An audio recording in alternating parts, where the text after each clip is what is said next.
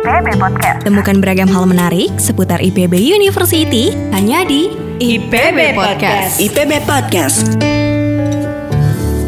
Assalamualaikum warahmatullahi wabarakatuh. Apa kabar Sobat IPB? Bertemu lagi dengan saya Wina Ekawati di IPB Podcast. Sobat IPB, pesatnya perkembangan teknologi informasi memunculkan banyaknya platform online atau berbasis daring. Salah satunya adalah platform investasi. Nah, yang akan kita bicarakan kali ini adalah platform investasi yang berbasis robot trading. Apa sih yang dimaksud dengan robot trading ini? Apa plus dan minusnya? Kemudian, apakah aman jika kita menginvestasikan uang kita di robot trading? Nah, untuk mengupas hal tersebut, telah hadir bersama kita di sini dari Departemen Ilmu Keluarga dan Konsumen Fakultas Ekologi Manusia, Ibu Dr. Megawati Simanjuntak. Apa kabar Ibu? Alhamdulillah sehat, Mbak Wina. Ibu ini udah langganan dari IPB Podcast, sudah sering kali uh, Ibu Mega ini hadir sebagai narasumber kita. Ibu nggak pernah kapok ya di IPB Podcast? Alhamdulillah. Alhamdulillah nggak kapok. Ini yang ketiga kali ya. Mudah-mudahan bisa berbagi lebih banyak ilmu, berbagi lebih banyak pengetahuan ya supaya melalui podcast IPB ini semakin banyak orang yang tahu terkait dengan konsumen. Nah, itu juga tadi Ibu ya. Karena ini penting banget buat kita sebagai konsumen ya Ibu. Salah satunya sekarang adalah yang uh, ramai juga hangat juga dibicarakan adalah tentang yeah. investasi robot trading ya Ibu ya. Mungkin ada beberapa sobat IPB yang sudah tahu atau sudah pernah mendengar tentang robot trading tapi pasti ada juga banyak juga yang belum paham nih robot trading itu sebenarnya apa sih Ibu? Mungkin bisa dijelaskan secara singkat apa yang maksud dengan investasi robot trading? Silahkan. Ya, Mbak Wina, ini uh, investasi robot trading ini kan sekarang sedang marak ya. Ya, banyak uh, endorser-endorser yang apa namanya uh, berhadapan dengan polisi gitu ya. Dan banyak juga orang yang ingin tahu sebetulnya apa robot trading ini supaya uh, ini bisa menjadi satu tindakan pencegahan lah ya. Artinya kalau uh, tahu ya tentunya tidak sampai terjerumus itu ya. Nah, investasi robot trading ini sebetulnya adalah investasi yang menggunakan alat bantu robot ya dalam uh, melakukan investasi. Jadi uh, instrumen investasinya itu menggunakan uh, robot. Jadi ada sistem otomatisasi di sini ya di mana tidak ada campur tangan manusia. Jadi si pengguna ataupun disebut biasanya trader ini biasanya di awal uh, dia apa namanya memformulasikan terlebih dahulu strategi-strategi investasinya ya hmm. dan nanti strategi-strategi investasi ini ya akan diterjemahkan oleh si robot itu Baik. ya akan diterjemahkan oleh si robot. Nah, si robot ini sendiri ya itu akan uh, membantu si trader ya dalam membaca pasar ya. Kemudian dia juga uh, membantu ya uh, mengkalkulasi kapan dia harus masuk, kapan harus beli, kapan harus keluar itu ya. Kemudian dia juga membantu mengeksekusi proses tradingnya ya. Dan uh, fungsi lainnya juga dari robot ini adalah dia uh, membantu memanage resiko ya karena kan investasi ini sebetulnya adalah uh, apa namanya penuh dengan resiko, serba tidak pasti sebetulnya ya. Nah, di dalam robot trading ini sebetulnya uh, dia sudah dilengkapi dalam uh, pemrogramannya itu uh, strategi untuk memanage resiko. Nah, Baik. itu barangkali yang apa namanya yang bisa kita gambarkan terkait dengan robot trading ini. Produknya ini saham ya Ibu atau uh, produknya ini bisa saham, uh mhm. -huh. bisa reksadana uh mhm. -huh. gitu ya. Jadi uh, sebenarnya macam-macam ya. Baik, uh, jika mendengar tadi uh, penjelasan dari Ibu untuk orang awam apalagi yang tertarik untuk berinvestasi di saham atau reksadana apalagi mungkin masih maju mundur karena nggak ngerti analisisnya seperti apa gitu kan Ibu decision makingnya bingung seperti yeah. itu iya. mau pilih yang saham yang mana reksadana yang mana mungkin terdengarnya robot trading ini bisa jadi solusi Ibu ya. Bisa jadi solusi karena kan uh, let the robo yeah. do the rest gitu kan yeah, ya. Betul. Biarkan dia yang di, uh, decided apa aja gitu kan. Kita tinggal naruh uang ibarat kata seperti itu ya. Yeah, terus nanti bisa cuan-cuan. Betul sekali. Nah, ini apakah benar sesimpel itu atau mungkin ada plus dan minusnya yang harus kita ketahui? Iya, terkait dengan robot trading ini memang apa namanya? Ini kan uh, bukan merupakan platform sebetulnya ya. Jadi ini hmm. adalah alat instrumen sebetulnya right. ya, alat software gitu ya yang memang membantu si trader gitu. Jadi dia tidak harus tiap uh, saat uh, apa namanya uh, involve terlibat gitu. Dia hanya memantau saja gitu ya. Memang sangat membantu sekali sebetulnya untuk uh, seorang investor. Tapi ujung-ujungnya memang si robot yang menentukan itu ya. ya. Nah, ini memang salah satu kelemahan dari robot trading ini itu ya. Jadi si ini sendiri si investor sendiri uh, hanya menyerahkan kepada mesin Betul. gitu ya. Uh, terkait dengan hasilnya untung atau apa apa namanya rugi ya yang memutuskan kan si mesinnya gitu Betul. ya. Jadi keputusan-keputusan yang diambil oleh si investor ini ya eh, kalau sudah menggunakan robot trading itu diserahkan kepada robotnya gitu. Memang ada di satu sisi kemudahan tapi di sisi lain ya. Jadi si apa si trader ini ya si pengguna ini tidak bisa eh, kalau suatu saat dia mau exclude misalkan mengeluarkan atau memasukkan gitu itu akan sulit gitu ya karena dalam pengambilan keputusannya itu akan sangat terbatas gitu. Baik. Ya, mungkin itu. Jadi eh, kita sebagai investor tidak punya kendali ya ibu ya, Ya, tidak punya terhadap uang kendali. kita yang kita investasikan. Betul. Hanya itu. di awal Hmm. memang ada aturan-aturan ya, ada aturan-aturan yang disusun oleh si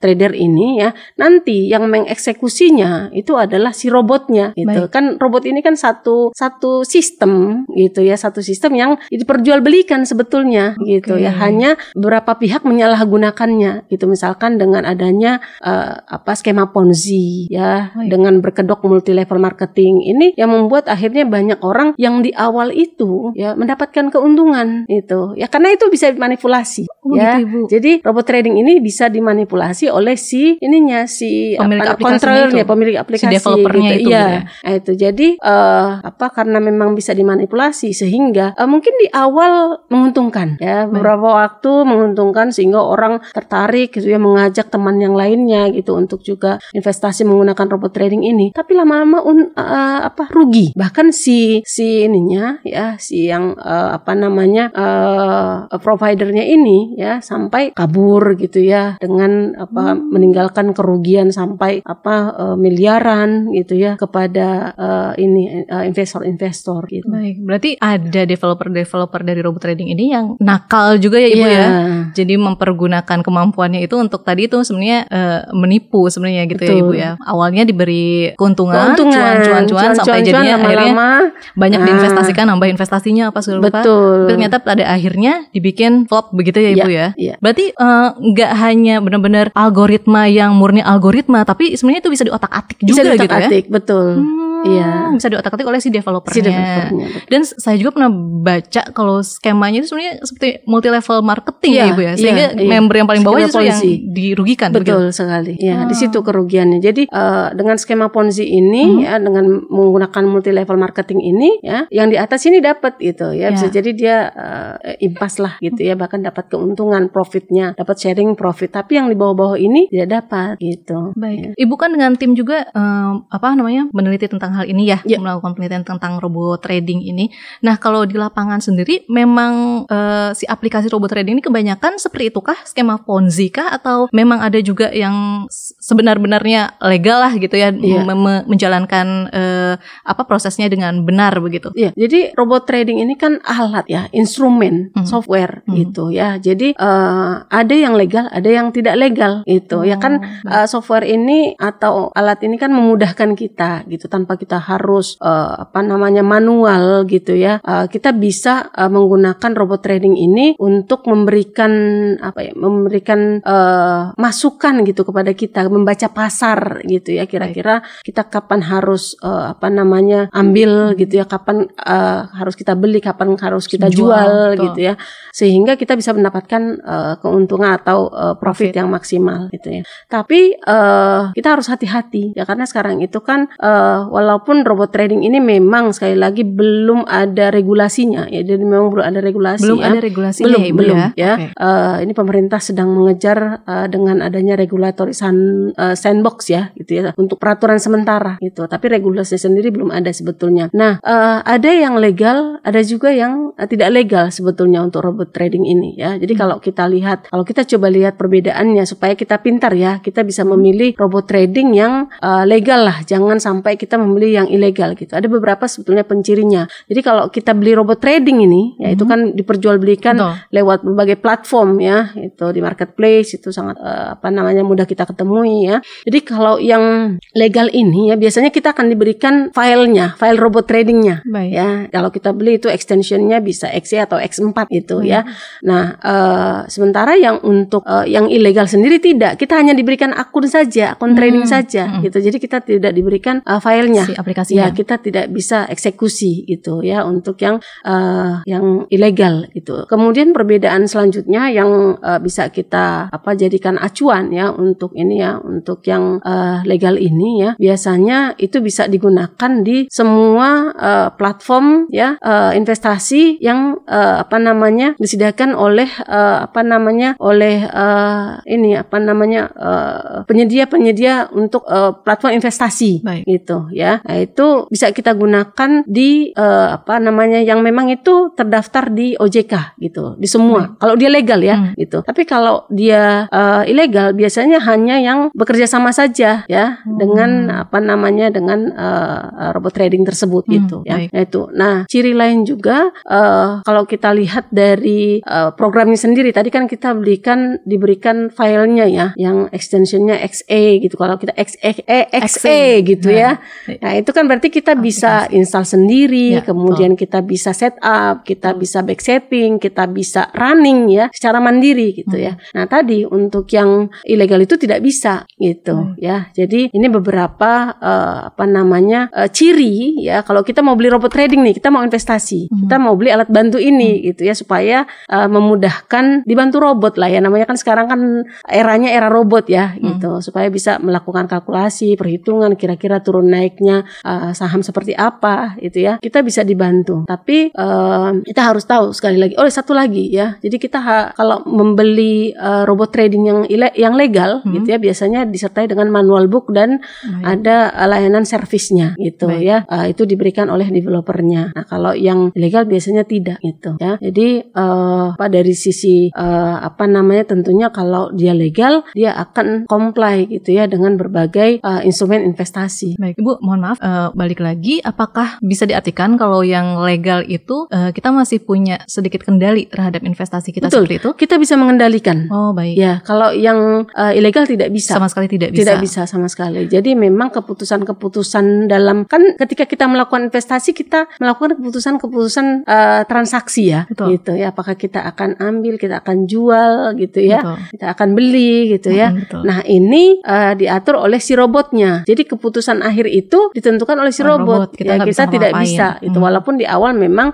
kita membuat ininya dulu, membuat apa namanya aturan-aturan uh, itu ya, aturan-aturan terkait investasi, ya? betul settingan awal ya. Tapi pada akhirnya at the end otomatisasi robotlah yang berjalan. Baik, gitu. kita tidak bisa ngapa-ngapain, kita ya, tidak bisa ngatur betul. investasi kita mau ke mana gitu ya, betul. ya. Nah tadi juga yang ilegal itu ya uh, hasilnya transaksinya itu bisa diutak-atik kalau ilegal. Oh gitu. gitu. Ya, hmm. uh, jadi mau untung mau rugi kah gitu hmm. ya, hmm. itu uh, bisa di set gitu, bisa dimanipulasi. Baik. Tapi kalau untuk yang legal itu kita tidak, ini itu di luar kendali kita. Jadi memang tidak ada utak-atik di situ, gitu. Tidak ada manipulasi Baik. seperti itu. Yang paling menyeramkan sebenarnya itu karena belum ada regulasinya ya ibu ya. Jadi ketika kita uh, terkena yang ilegal, ketika kita mengalami kerugian, jadi agak sulit ya bu nanti kalau untuk terkait uh, apa mau klaim atau mau melaporkan ke pihak yang berwajib seperti apa tuh ibu? Betul. Kalau gitu? Inilah salah satu yang harus disadari oleh konsumen ya. Hmm. Ketika kita memberi barang ilegal ya, maka eh, undang-undang perlindungan konsumen yang melindungi konsumen nomor 8 tahun 1999 itu tidak mengakomodir kalau dia barang ilegal. Baik. Ibaratnya ketika kita bermasalah dengan handphone misalkan yang kita beli di black market ya, itu kan ilegal ya hmm. gitu ya. Maka ketika ada sengketa dengan pelaku usaha ya, ada masalah, kita komplain, itu tidak bisa gitu. Misalkan pelaku usahanya tidak mau pasang badan gitu dalam artian ketika kita rugi mereka tidak mau mengganti hmm. gitu ya. Tuh konsumen menjadi apa namanya haknya menjadi terlanggar gitu ya. Nah, kalau dia ilegal tidak bisa gitu ya. Makanya untuk kasus uh, robot trading sekarang ya di mana banyak sekali korbannya ya itu uangnya tidak bisa kembali Betul, gitu. Ibu. Itu yang jadi masalah. Ya. Kalau kita Sem ingat ramai juga kan di Ya, kalau kita ingat kasus first travel saja itu uangnya tidak bisa kembali kepada korban ya hmm. karena dianggap itu adalah judi gitu ya untuk yang ini. Jadi memang proses pidananya berjalan gitu ya, tapi untuk uangnya sendiri itu tidak bisa kembali itu oh. karena diambil alih oleh negara gitu ya. ya. Jadi sebaiknya konsumen tidak bermain-main dengan komoditi ataupun barang yang ilegal ya. Jadi kita oh. harus mencari yang legal yeah. karena ketika ada masalah hak kita itu tidak tidak akan bisa dipenuhi gitu. Kita kan punya hak sebagai konsumen. Sebenarnya ya. kita terlindungi ya Ibu ya kalau misalkan Betul. ada regulasinya yang melindungi uh, apa yeah. kita tadi itu. Ragam hal menarik seputar IPB University hanya di IPB Podcast. IPB Podcast.